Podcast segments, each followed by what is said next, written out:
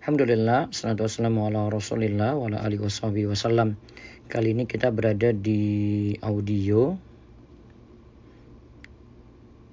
yang ke 8 dari pembahasan 40-an amalan saat safar umroh di Tanah Suci. Coba lakukan amalan berikut ini ketika kita berada di Masjidil Haram ataupun di Masjid Nabawi.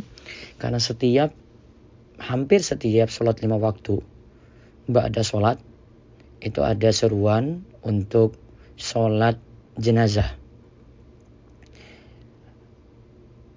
Terus nanti ada panggilan sebelumnya setelah kita beberapa menit atau beberapa bahkan bisa saya bilang detik ya dari salam ada seruan as-salatu alal amwat.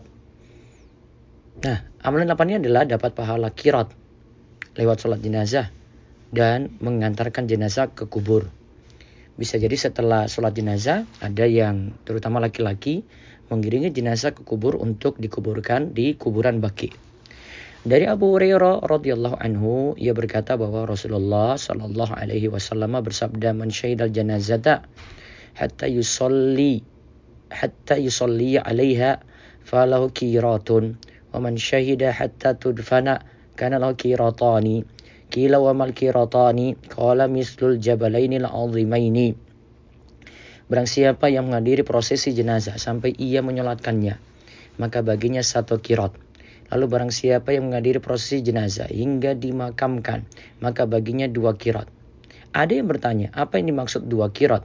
Rasulullah Sallallahu Alaihi Wasallam lantas menjawab, dua kirat itu semisal dua gunung yang besar. Hadis riwayat Bukhari dan Muslim.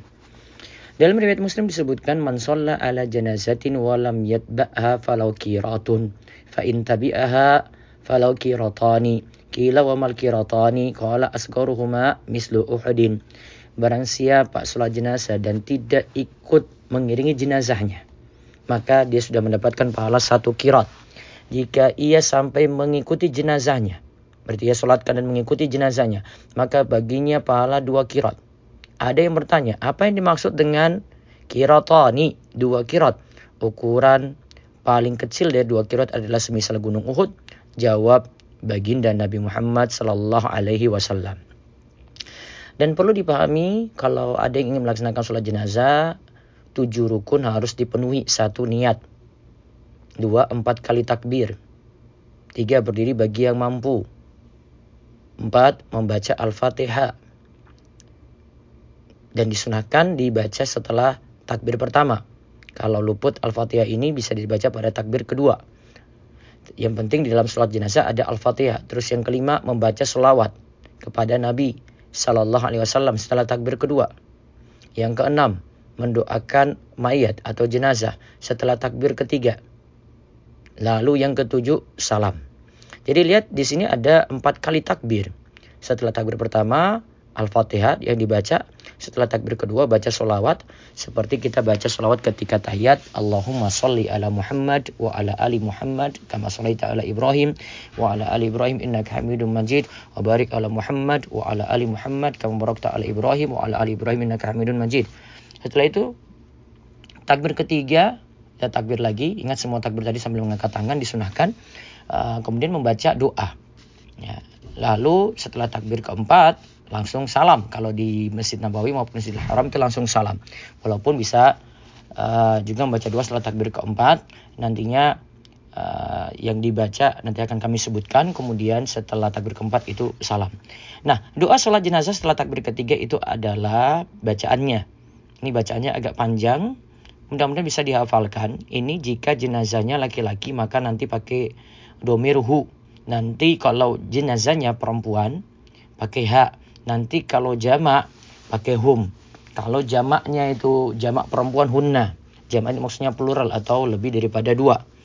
Nah, kalau bingung ya sudah pakai lafaz yang kami sebutkan berikut ini saya dengan niatan untuk sholat jenazah entah itu jumlahnya berapapun uh, pokoknya tinggal menyesuaikan saja dengan bacaan ini dengan niatan saya ingin doakan jenazah doanya adalah setelah takbir ketiga Allahumma gfir lahu warhamhu wa'afihi wa'fu anhu wa akrim nuzulahu wa wasi' madkhalahu waksilhu bil ma'i wasalji wal barad wa nakihi minal khataya kama naqaita thawbal abyada minad danas wa abdilhu daran khairan min darihi wa ahlan khairan min ahlihi wa zawjan khairan min zawjihi wa adkhilhu al jannata wa aizu min adabil qabri wa adabin nar kalau jenazahnya perempuan tinggal diganti jadi ha Allahumma firlaha warhamha wa afiha wa'fu anha wa akrim nuzulaha wa wasi' madkhalaha waksilha bil ma'i wa salji wal barad wa nakiha min al khataya kama naqaita thawbal abyada min ad-danas wa abdilhu daran khairan min dariha wa ahlan khairan min ahliha wa zawjan khairan min zawjiha wa adkhilha al jannata wa idza min adzabil qabri wa adzabin nar. Tinggal menyesuaikan lagi kalau yang disolatkan itu jamak baik laki-laki perempuan itu campur di situ yang disolatkan banyak ya. Uh, nanti pakai hum ya. Kalau tidak bisa ya dengan lafaz yang tadi seperti saya sebutkan. Kemudian kalau jenazahnya itu ada anak kecil maka ditambahkan bacaan setelah bacaan tadi Allahumma ja'alhu lana faroton wa salafan ajra wa ajron Allahumma ja'alhu lana faroton wa salafan wa ajron Ya Allah jadikanlah kematian anak ini sebagai simpanan pahala dan amal baik serta pahala buat kami. Terus setelah takbir keempat jika sempat masih bisa membaca doa Allahumma la tahrimna ajrahu wa la taftinna ba'dahu waghfir lana walahu. Tinggal menyesuaikan jika yang disolatkan perempuan Allahumma gfir Allahumma la tahrimna ajraha Allahumma la tahrimna ajraha wa la taftinna ba'daha waghfir lana walaha. Nah, manfaatkan momen di Masjidil Haram ataupun Masjid Nabawi untuk terus menyolatkan jenazah semoga kita dapat pahala kirat atau kiroton kalau mengiringi jenazah sampai di kuburan. Satu kirot atau dua kirot. Yaitu satu kirot apa? Sebesar gunung Uhud. Sebagaimana kata Nabi Sallallahu Alaihi Wasallam tadi. Ya, kalau dua kirot itu semisal gunung Uhud. Yang paling kecilnya asgoruhuma dari dua kirot itu semisal gunung Uhud. Semoga Allah mudahkan beramal soleh di tanah suci. Allah yubarik fiqh.